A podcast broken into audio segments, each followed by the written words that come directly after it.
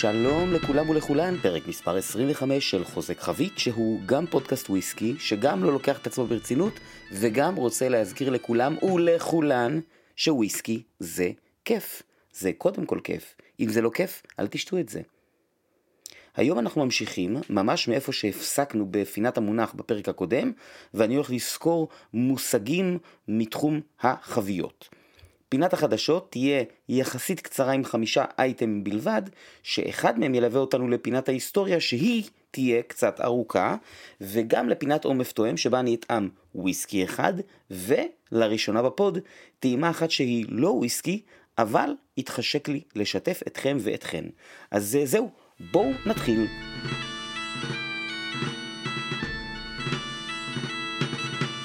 בפרק הקודם דיברנו על עץ.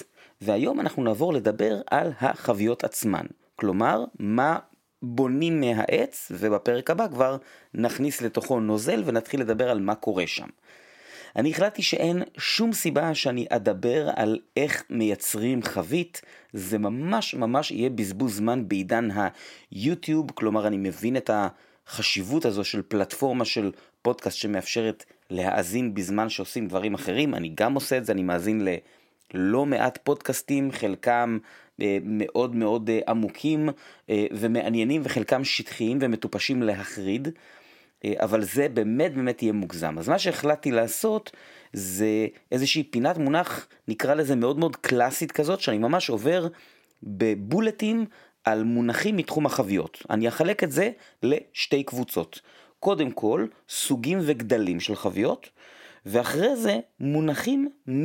תחום השימושים, שנגענו בזה גם אה, בפרק הקודם עם עמיתי בפינת המונח על עץ, וכרגיל המטרה שלי זה לעזור לכם לקרוא תווית, להבין במה מדובר, וכמובן עם הזמן לייצר לעצמכם איזשהו מין זיכרון ארגוני כזה, זיכרון ארגוני וחושי, אם תרצו, שעוזר לכם להבין האם אני הולך לאהוב את הנוזל הזה או לא, או כמובן שאי אפשר לדעת, אבל מה הסיכוי שאני אוהב את הוויסקי המדובר.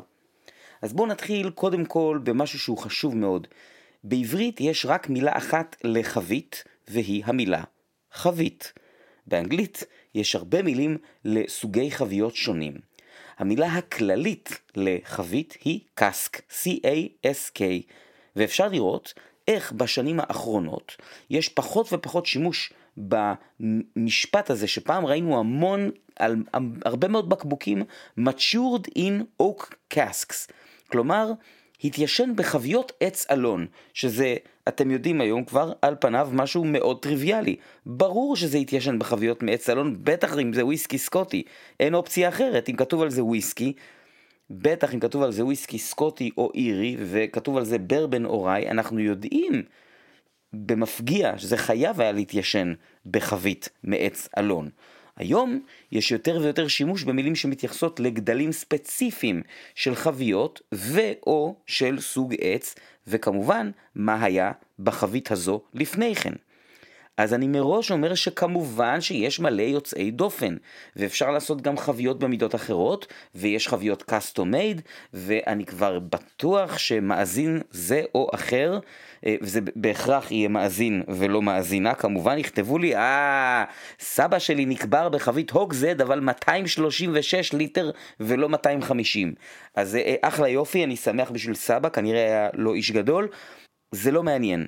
המטרה שלנו היום היא לדבר על מה שנהוג ב-99.9% מהמקרים ולא בפיקנטריה שכבודה במקומה מונח. אז בואו נתחיל קודם כל עם שלושת גדלי החביות הנפוצים ביותר. 1. ברל, חבית בת 200 ליטרים שנהוג להשתמש בה בתעשיית הוויסקי האמריקאי ולכן לרוב יקראו לה ברבן ברל. 2. הוגזהד, אתם תראו לעיתים, בעיקר באתרים ישראלים, שכתוב הוג שד, אז הביטוי הנכון זה הוגז הד, וזו חבית בת 250 ליטרים, יש גם סוג של הוגזד שהוא עם 240 ליטרים, ובכל אופן, למעשה זה מין חבית כלאיים כזאת, שברוב המקרים ייצרו אותה על ידי פירוק של ברל, ואחרי זה בנייה מחדש והוספה של עוד כמה סטייבים להגדלת החבית. הסוג השלישי נקרא בת. חבית ניוד שרי שגודלה 500 ליטרים. אם אתם זוכרים, דיברנו על זה בפרק השרי הראשון לדעתי עם אה, אמיתי, שחבית סולרה היא לרוב תהיה חבית של 600 ליטרים, ובאתי חבית שבה שלחו את השרי הלאה ליעדו באנגליה או כל מקום אחר. אז אלו שלושת הגדלים הקלאסיים, ברל 200 ליטר, הוגזד 250, בת 500. עכשיו נעבור לעוד כמה גדלים של חביות נוספות שגם הן יחסית נפוצות. בריק, חבית יין. לרוב גודלה של חבית barrique הוא 225 ליטרים, יש בזה יוצאי דופן. 2. STR STR הן למעשה חביות יין שעוברות מין תהליך רענון שכזה, שכולל שלושה שלבים S shaving, T toasting, R recharring, כלומר גילוח של שכבת עץ פנימית, קלייה וחריכה. אלו תהליכים שאנחנו נדבר עליהם בפרקים הבאים כמובן בפירוט, אבל מכיוון שרואים יותר ויותר חביות STR, אה, למשל אצל מילקן האני, למשל בקילחומן ועוד, אה, היה לי חשוב לציין אותה בסמוך לחבית הבריק.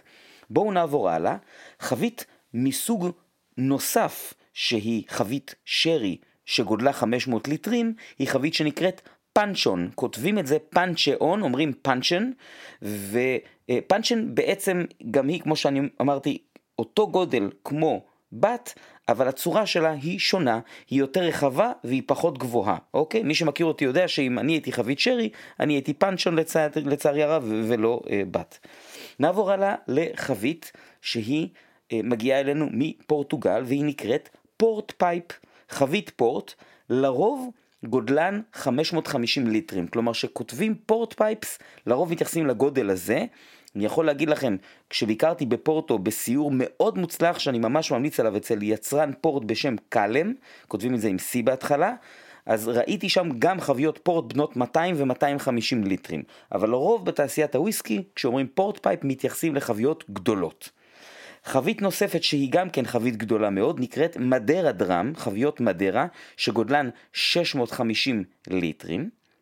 לאחר מכן יש לנו חבית אפילו יותר גדולה שבעצם מגיעה למקסימום החוקי המותר בסקוטלנד שנקראת שרי גורדה, חבית שרי גדולה שגודלה הוא 700 ליטרים. וחבית מסוג אחרון, חבית קוניאק. ככל הידוע לי, חביות קוניאק באות במספר גדלים, יכולות לבוא מ... 400 ליטרים, כמו אלה למשל שהשתמשו אה, ב Apex מספר לדעתי 3, זה אה, אה, היו מעורבות בו חביות קוניאק מהמזקקה הנפלאה Godet, אז שם היו חביות כאלה של 400 ליטר, ויש חביות קוניאק שמגיעות עד 600 ליטר. אני מציין שאני לא חובב קוניאק גדול, אם אני כבר שותה ברנדי, זה, אה, או לצורך העניין אם אני שותה תזקיק ענבים, הוא כנראה יהיה או גרפה או איזשהו תזקיק אה, גרוזיני כמו אה, צ'אצ'ה או ברנדי כמו סראג'ישווילי למשל, אני אומר דברים שיש בארץ, אה, או ברנדי ספרדי. אז יכול להיות שיש גם חביות יותר קטנות, אני לא מאוד בקיא בתחום הזה של קוניאק. עכשיו אחרי שדיברתי על שלושת החביות החשובות ועוד חביות שהן חביות באותו סדר גודל או גדולות יותר מבחינת התכולה שלהן, אני רוצה להוסיף סוגים של חביות שהן יותר קטנות מ barrel. חבית הראשונה נקראת quarter cask, למשל אפשר לראות אותה בהוצאה הסדרתית של לפרויג, לפרויג quarter cask, ו quarter הוא כמובן רבע, השאלה רבע ממה, והתשובה היא רבע מ butt, כלומר quarter cask היא חבית בגודל של 125 ליטרים. החבית הנוספת, הקטנה, נקראת octave. octave היא לרוב תהיה חבית בגודל של 60 ליטרים, יש גם אוקטבים יותר גדולות, אבל בואו נגיד ש-70, אולי 75, היא לא תהיה יותר גדולה מ-100 ליטר ככל הידוע לי, בוודאות, והחבית מהסוג השלישי, שהיא חבית אפילו יותר קטנה, שנקראת בלאד טאב, אמבט דם. לרוב חבית בגודל של כ-50 ליטרים. החביות הקטנות הללו מיישנות את הוויסקי מהר יותר, בשל מגע רב של הנוזל עם העץ, ואנחנו רואים יותר ויותר שימוש, בעיקר בחביות אוקטב, אצל מבקבקים עצמאיים שעושים להן לעיתים גם seasoning בשרי, ובעצם מציגים צבע טבעי, אני עושה פה במרכאות, באוויר טבעי ויפה, וגם אפקט עישון יותר מהיר בזמן קצר. אישית, אני לא כל כך אוהב את התופעה הזו. עכשיו, אני רוצה לעבור לשימושים, שזה משהו שאנחנו נגענו בו בפרק הקודם, אני רוצה לעשות את זה בצורה מסודרת וגם כן בבולטים. אחד, וירג'ין, חבית שלא נעשה בה שימוש לפני כן, והנוזל שנמצא בה כרגע הוא הראשון שנכנס לתוכה. 2. first fill, first fill, מילוי ראשון. זהו המילוי הראשון אחרי שלב הווירג'ין, כלומר, first fill ברבן ברל היא חבית שהיה בה ברבן, והיא בת 200 ליטרים, אבל כמובן שהברבן היה בה רק לסיבוב אחד של עישון, והנוזל שנכנס לתוכה עכשיו הוא הנוזל שאינו ברבן הראשון, כלומר first fill זה נוזל שהוא הנוזל השני שנכנס לחבית. שלוש, second fill, מילוי שני, הוא כפי שאתם כבר מבינים למעשה השימוש השלישי בחבית. עכשיו ארבע, שהוא מונח קצת יותר פלואידי, Refill. למעשה refill הוא שימוש שאנחנו נעשה את זה באלימינציה. הוא כמובן אינו virgin, והוא כמובן אינו first fill. לעיתים הכוונה ב refill זה שהוא second fill. Refill יכול להיות גם מילוי שלישי או יותר, כלומר בעצם רביעי או יותר, אוקיי? אוקיי. המונח הבא שאני רוצה לדבר עליו הוא מונח שנקרא re-racking, העברה בין חביות. נוזל שמתיישן שנים רבות באיזושהי חבית, והחבית כבר עייפה, חבית שכבר לא עושה את שלה, יכול פשוט לעבור לחבית אחרת מאותו הסוג. המונח הבא הוא בעצם סוג של re-racking, שגם יש לו עוד איזשהו מין edge כזה, והוא המונח finish. Finish גם כולל העברה של נוזל מחבית אחת לחבית אחרת, אבל כאן למעשה הכוונה ליישון נוסף שהוא א', קצר יותר מהיישון העיקרי או המקורי או הראשון, והוא גם בסוג אחר של חבית. רוצה לומר שכל finish הוא re-racking מטבעו, כי העברנו את הנוזל מחבית א' לחבית ב', אבל לא כל re-racking הוא finish. Re-racking יכול להיות פשוט העברה מחבית אחת לחבית אחרת. אני רוצה לציין שהמונח Finish הוא מונח שלעיתים מקבל אה, כותרת אחרת במזקקות שונות. לדוגמה, Dalmore קוראים לזה finessed, ו Bruichladdich אהובתי קוראים לזה ACEd. אז יש לזה כל מיני מונחים. אני רוצה לעבור למונח האחרון, אה, שהוא בעצם לא מונח אחד, אלא לתת לכם בכל זאת איזשהו מושג למה מתכוונים כשאומרים דברים כמו double wood, triple wood, double cask, וכל מיני מונחים שמתייחסים לכמה סוגים של עץ או של חבית. אז המושגים האלה הם מושגים מאוד מאוד פלואידיים. בחלקם מדברים על finish, לדוגמה, Balvenie 12 Double Wood הוא finish. הוא עובר את ה wood הראשון של חביות ex bourbon, ואז הוא עובר finish בחביות שרי Oloroso. זה מה שנקרא יישון טורי. לעיתים המונחים האלה כמו double wood ו double cask או triple, הם בעצם מדברים על יישון מקביל בכמה סוגים של חביות, ואז העניין פה הוא לא לי, אני אתן לכם דוגמה, Glen Scotia Double Cask הוא ביטוי שמתיישן לא הרבה שנים, ביטוי צעיר, שמתיישן במקביל בחביות ex bourbon first fill, וגם בחביות שהיה בהן שרי מסוג Pedro Ximénez PX. אחרי היישון המקבילי הם עוברים איזשהו vatting, בעצם מפגישים אותם יחדיו. כשאתם רואים על וויסקי כיתוב כזה, double, triple, wood, cask, צריך לקרוא את האותיות הקטנות כדי להבין במה מדובר. על מה שקורה בחבית, ומונחים כמו angels' share ו devil's cut וחוזק חבית, נדבר בפרק הבא, ואנחנו נעבור לפינת החדשות.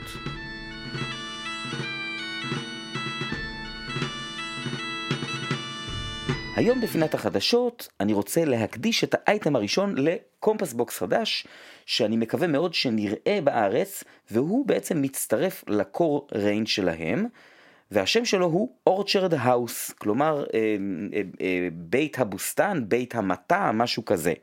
אני מציין שזה לא אייטם חדש חדש, הביטוי הזה הושק כבר בסוף אוגוסט, אבל איכשהו ויתרתי עליו בשלושת הפרקים האחרונים שהוקלטו מאז שהוא הושק, והחלטתי שמגיע לתת לו את הכבוד, את החיבה שלי למייצר הזה, ליצרן הזה, ל whisky maker הזה, Compass Box, כמובן שאני לא הסתרתי מעולם. אז הכיוון הכללי של הוויסקי הזה נראה שהוא בהחלט הולך לכיוון של מטע או בוסתן. מדובר ב blended malt שמורכב בעיקר מנוזל שמגיע משלוש מזקקות. 88% ממנו הם Linkwood, Clynelish ו Benrinnes, שכולם התיישנו בחביות ex bourbon במילוי ראשון. Ex bourbon barrel, first fill. לציין שיש גם 2% של Caol Ila, והוא מבוקבק ב-46% אלכוהול, ואמור ללכת לכיוון מאוד פירותי ומרענן.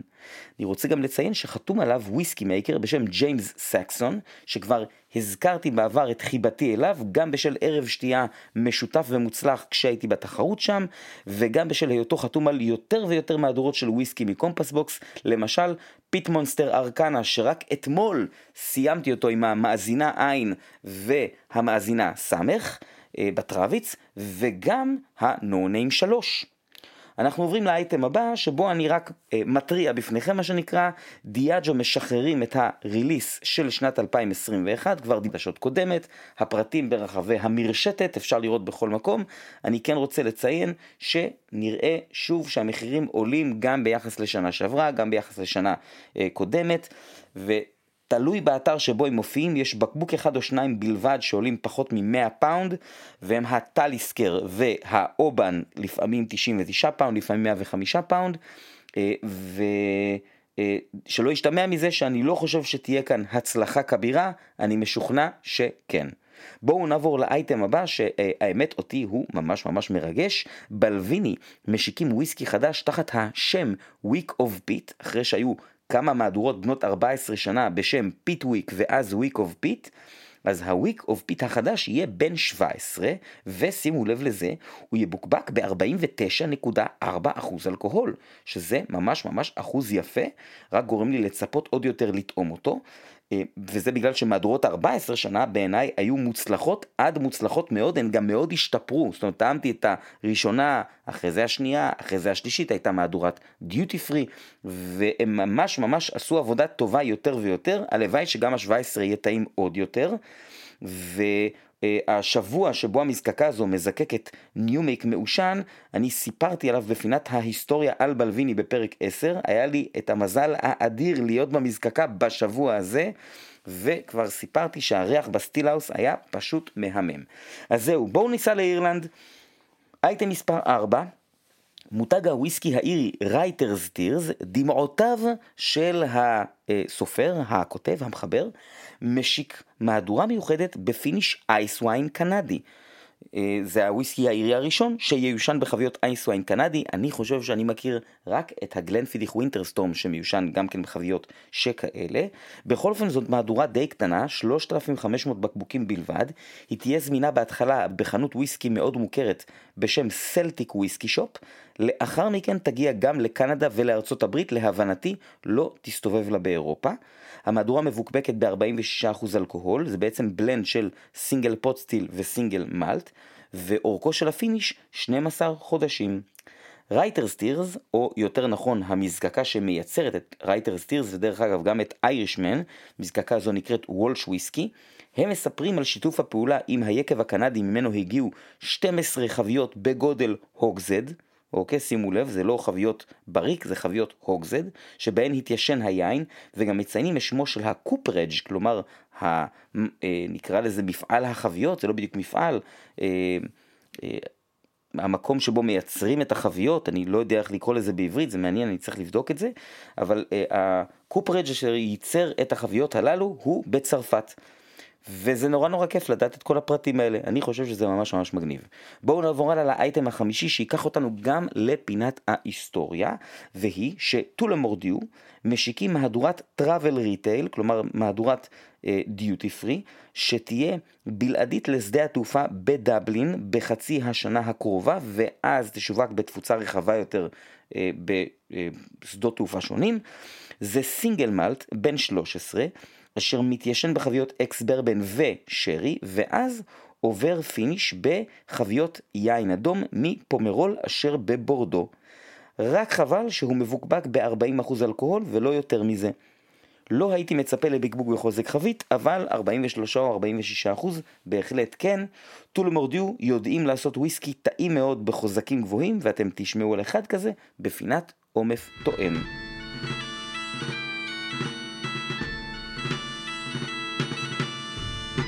אז כמו שאמרתי, אנחנו ישר המשכנו מהאייטם האחרון לפינת ההיסטוריה, והחלטתי היום שאני אספר לכם על עוד מזקקה שביקרתי בה, והאמת שהבחירה אה, לא נובעת דווקא מהאייטם הזה ששמעתם עליו בפינת החדשות, אלא דווקא בגלל ציוץ בטוויטר. לקוח שישב אצלי רצה לשתות משהו מעניין שהוא לא מכיר, ודווקא את מדף המלטים הסקוטים הוא מכיר היטב, אז אני מזגתי לו טולמורדיו פניקס. הוא העלה את התמונה בטוויטר, ומישהו הגיב לו משהו בסגנון של זה טולמורדיו רגיל, תשתה את זה עם חמוציות וקרח, שדרך אגב, זה כשלעצמו בחירה קצת מוזרה בעיניי, אבל כמובן שוויסקי זה כיף, תשתה לי את זה מהפופיק, הכל בסדר. אבל אני כמובן הגבתי לו שזה ממש ממש לא טולמורדיו רגיל, והחלטתי לספר על המזקקה הזו, שבה אני ביקרתי ב-2017, מכיוון שבעיניי היא סמל למה שקרה לתעשיית הוויסקי האירי לאורך 200 השנים האחרונות, מין ברומטר כזה, מכיוון שבסיפור שלה יש את כל הטרנדים, כל האלמנטים וכל התהפוכות שקרו בתעשייה הזאת. אז בואו נתחיל. המזקקה הזו הוקמה ב-1829 בעיירה קטנה בשם טולמור, שנמצאת כשעה וחצי נסיעה מאוד מאוד יפה ממערב לדבלין, והשם המקורי שלה היה פשוט טולמור דיסטילרי. למעשה המזקקה הזו הוקמה מחדש באתר שכבר שימש מזקקה אחרת שהפסיקה לעבוד. מי שהשקיע את הממון הדרוש להחייאתה היה מייקל מולוי ממשפחה של אנשי עסקים אשר בין השאר גם סחרו ביין.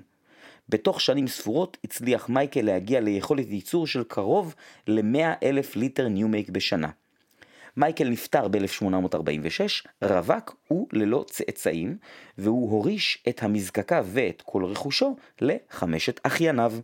המזקקה איכשהו התגלגלה לאחיו של מייקל, אשר במותו הוריש אותה שוב לאחד מאותם חמישה אחיינים, בחור בשם ברנרד, אשר בתורו השקיע רבות במזקקה והצליח ובגדול.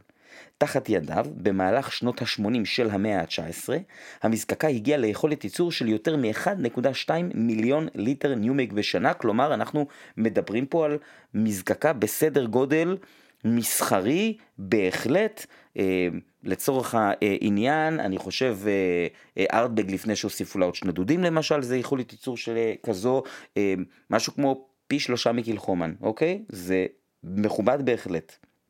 את הכמות הזאת דרך אגב ייצרו 100 עובדים שזה הרבה יותר ממה שצריך היום בשביל לייצר וויסקי.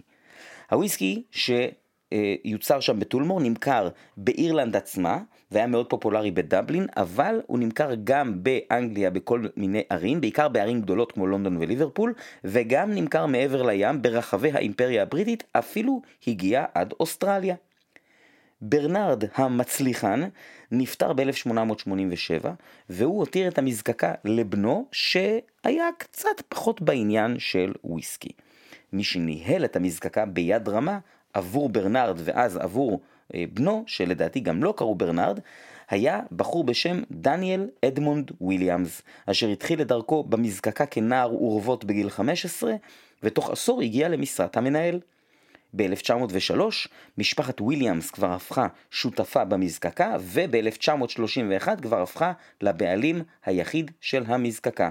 אם זה לא ברור עד כה, דניאל אי וויליאמס הוא מי שנתן לוויסקי ואחר כך למזקקה את התוספת דו, D-E-W, ראשי הטבות של שמו. מי שכבר שמע פינות היסטוריה בעבר על וויסקי אירי ודאי זוכר שהמאה ה-20 אינה תקופה טובה לוויסקי אירי. מזקקת טולמור הייתה סגורה בין השנים 1925 עד 1937. מ-1948 עיקר פרנסתה בכלל לא היה וויסקי, אלא ליקר וויסקי שמתוסף בדבש וכל מיני אה, עשבי טיבול, שנקרא Irish Mist. והמזקקה נסגרה סופית ב-1954, ייצורו המועט של הוויסקי עבר למזקקה אחרת אשר הייתה אחת משלוש המזקקות האיריות היחידות שנותרו פעילות, מזקקת Powers, John Powers, ושלוש המזקקות הללו התאחדו לגוף שנקרא Irish Distillers ב-1966, לאחר מכן הן בנו מזקקה חדשה בשם מידלטון, ובעצם הבעלות על המותג טולמורדיו יחד עם הייצור שלו עברו גם הם לשם כמו שאר המותגים של החברה, הידוע שבהם הוא ג'יימסון. התופעה הזו של ייצור של מותגים רבים במזקקות מועטות מאפיינת מאוד את אירלנד ואני כבר דנתי בזה בעבר. המסע של טול דיו לא נגמר.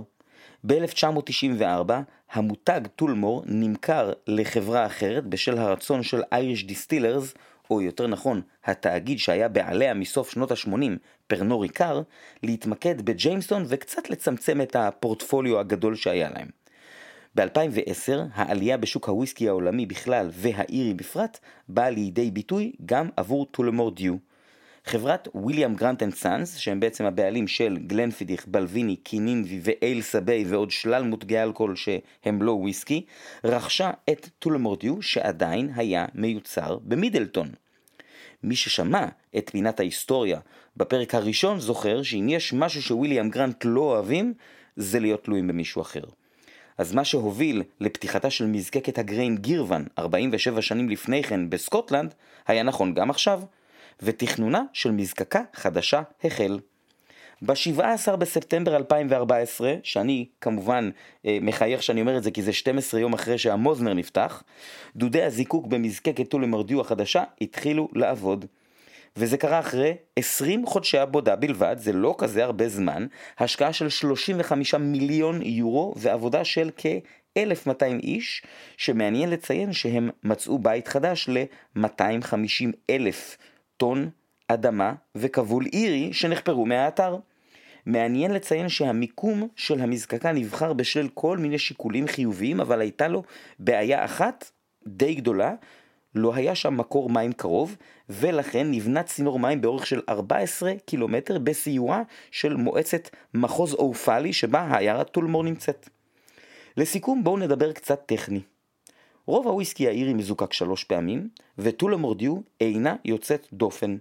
מה שכן צריך לציין הוא ההרכב.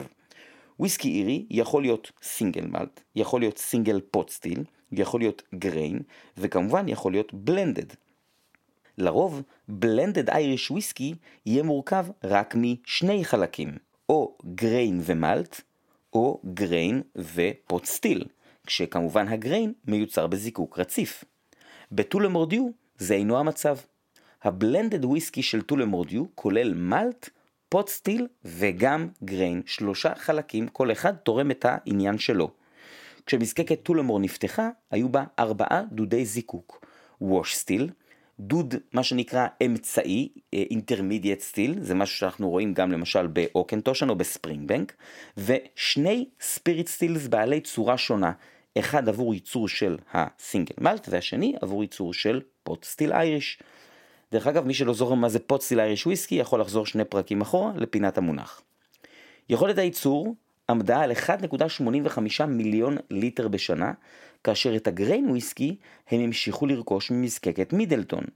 מהר מאוד נוספו שני דודים נוספים שהכפילו את יכולת הייצור ל-3.7 מיליון ליטר בשנה, וב-2017 קרה המובן מאליו, והותקנו במזקקה גם עמודי זיקוק כדי להפוך אותה לעצמאית לחלוטין. דרך אגב, הניומייק שיוצא מהדודים הוא כמובן חזק מהממוצע הסקוטי בגלל הזיקוק המשולש, והוא עומד על 80 עד 84 אחוז, אה, כמובן כתלות בסוג הוויסקי, אם זה מלט או אה, פוטסטיל, ואני גם רוצה לציין שמעניין אה, לראות שגם הווש שלהם קצת יותר חזק מהממוצע הסקוטי עם כעשרה אחוזי אלכוהול. עוד משהו מעניין טכנית שאתם יכולים לראות את זה בתמונות, זה משהו שהם מיד מפנים אליו את תשומת הלב במזקקה כשעושים את הסיור. בניגוד למקובל, הצוואר של הווש סטיל לא יוצא ממרכז הדוד, אלא מ... יותר כזה מהצד שלו, הוא כמובן יוצא כלפי מעלה, אבל פשוט תגגלו את זה, טו למורדי ווש סיל, אתם תראו את הדבר המוזר הזה. אני לא קיבלתי הסבר למה זה ככה, אבל בהחלט ברור מאיפה ה... אה, אה, השראה, וההשראה מגיעה מהדוד המקורי של טולמור, וזה בעצם העתק שלו. את הדוד המקורי של טולמור, דרך אגב, או את כל הדודים שלהם, אפשר למצוא במוזיאון של קילבייגן, וגם את התמונה הזאת אתם יכולים לראות. אגב מוזיאון, אחד המחסנים הישנים של המזקקה המקורית בעיירת טולמור בעצם הפך למוזיאון, וזה פשוט מקום מהמם, אני ממש ממש ממליץ על ביקור וסיור שם. יש שם הרבה מאוד פיסות היסטוריה יפות מהמזקקה המקורית, והושקע שם לא מעט בשימור וגם בחוויה. אה, ועל הדרך אני אתן לכם טיפ נוסף, אם אתם יושבים במסעדה הצמודה ואתם צמחוניים כמוני, אל תזמינו המבורגר צמחוני, זה בעצם פלאפל אחד גדול בלחמניית המבורגר. יש מגוון לא גדול של טול מורדיו בארץ, בעצם המגוון הזה כולל כרגע שני בקבוקים שמיובאים בצורה סדרתית, אה, שניהם blended whiskey, אחד הוא ה blended הצעיר שלהם ללא ציון גיל, שבעיניי הוא אחלה אירי פשוט ונחמד, אם אתם אוהבים Jameson או Bushmills, תבדקו גם אותו, אני חושב שהוא מוצלח יותר משניהם, ויש את ה blended בן ה-12 שלהם, שהוא אחלה blend למי שחובב את חוויית הוויסקי האירי, הקליל והכיפי, מתיישן ב ex-bourbon ו ex-sherry. אם אתם בחו"ל, אני ממש ממליץ לחפש את ה Tullamore Dew XO, שלמרות שמו הוא לא מתיישן בחביות קוניאק, אלא עובר finish בחביות רום, ולדעתי הוא ממש ממש ממתק חמודי כזה, digestif, אחלה קינוח לארוחה. ובנוסף, יש מהדורה שעוברת finish בחביות של סיידר, שאני עד היום מצטער שלא קניתי לעצמי בקבוק אחד שלה במזקקה. יש להם סינגל מלטים בגילאי 14 ו-18 שמתיישנים בארבעה סוגי חביות, דרך אגב היה להם גם single malt בן 10 שהתיישן בכמה סוגי חביות, זה משהו שהם אוהבים לעשות עם הסינגלים שלהם, ויש את אותה מהדורת פניקס שהתחילה את כל פינת המונח, אה, סליחה, פינת ההיסטוריה הארוכה הזו, שייצורה אומנם הופסק ב-2017, אבל אפשר עדיין למצוא בקבוקים שלה בחנויות בארץ פה ושם, ועליה אתם תשמעו בפינת עומף תואם.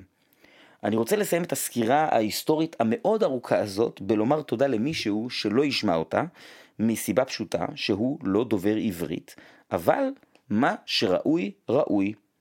את הסיור בטולמור העביר לקבוצה שהייתי חלק ממנה ג'נטלמן אירי בשם ג'ון קווין.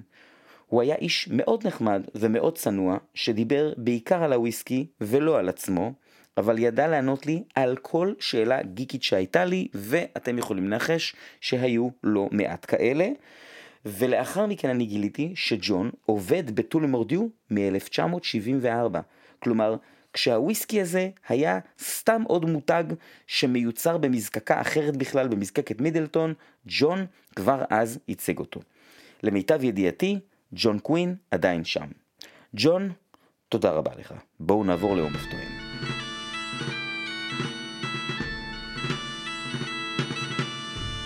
היום בפינת עומף תואם אני ממשיך את פינת ההיסטוריה, כפי שאמרתי, עם הוויסקי שבגללו היא קרתה, Tullamore Dew Phoenix. בנוסף, טעימת הפתעה שבכלל לא וויסקי, אבל כבודה במקומה מונח. אז בואו נתחיל. תעודת זהות, Tullamore Dew Phoenix.